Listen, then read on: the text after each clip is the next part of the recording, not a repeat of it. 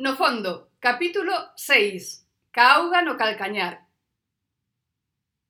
Paco nunca vira o mar. Na tele sí, non perdía ningún capítulo das vixiantas da praia. Pero en persoa non. El admiraba moito as vixiantas. gravaba cada capítulo para admiralo varias veces. Moitas. Pero moitas.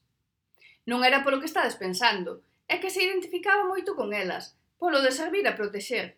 Claro. Despertou cando o avión comezaba a descender polo cambio de presión e o pobre casi dá un ataque ao abrir os ollos. Ramón debera advertirlle antes que o aeroporto estaba rodeado de auga, pero moito.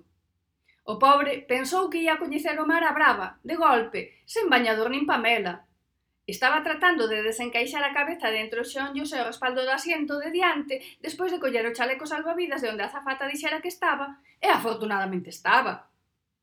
Cando Ramón se decatou de que pasaba algo fora do normal, antes de desatascalo, avisou a Alberto para partirse a súa conta un anaco.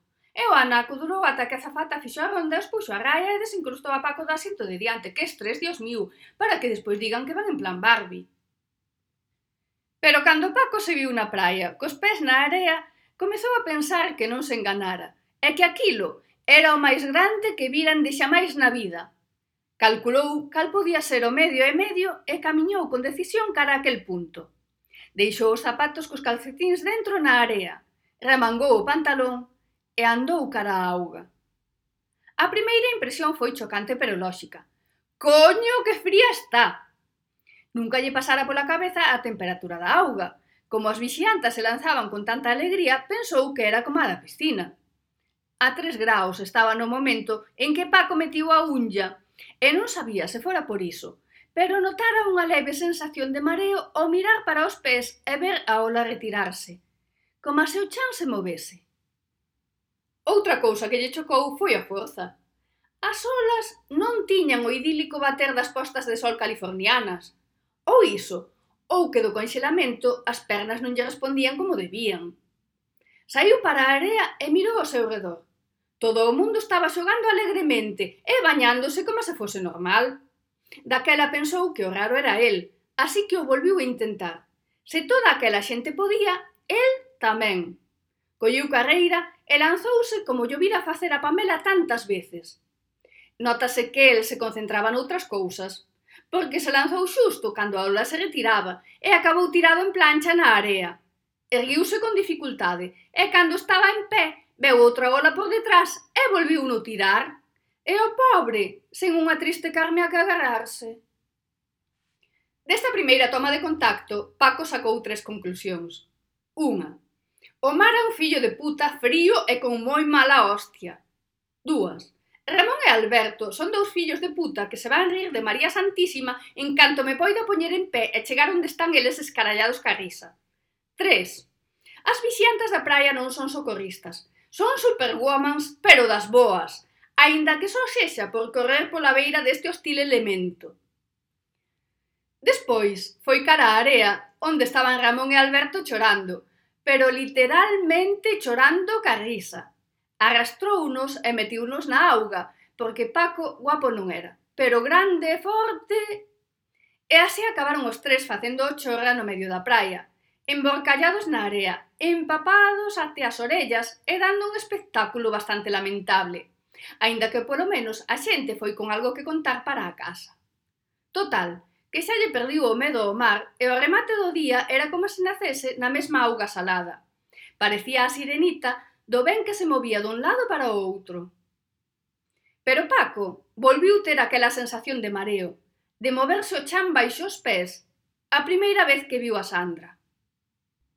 A verdade é que me decepcionou que Ramón non se ofrecera a acompañarme ata porta do meu piso por se había unha araña na bombilla do descanso ou así. Non tiven sorte. Ou sí, porque iso reforzaba a miña teoría de que o chimpo de Paco non fora pola emoción da conversa e tramaban algo. Mirei varias veces pola fiestra e o coche non estaba. Foi nese momento cando chamei a Sandra e a Salva. Vinde, dixen, teño que contarvos algo. Chegaron a xiña Sandra andaba por preto, quedáramos para ver o programa Corazón de Glamour, que nos gustaba moito. Mais a Sandra que a min, ela estaba enganchadísima, e non só a este, senón a todos os programas rosas e amarelos da pantalla, pero todos, todos. Ela era moito de terlle cariño ás cousas. Cando collíamos algo non llo ensinábamos porque tiña un pouco de dióxenes e quería quedar con el. De vez en cando traíamoslle cousiñas para coidar, cousas que non valían para trocar, pero que eran moi bonitas. Salva chegou rápido porque é el así, moi rápido. Sobre todo naqueles días que estaba acelerado porque lle saíra a data para o xuicio polo marrauno que o metera Andrés. Andaba facendo unha lista de últimas cousas que facer antes de que o enchironasen.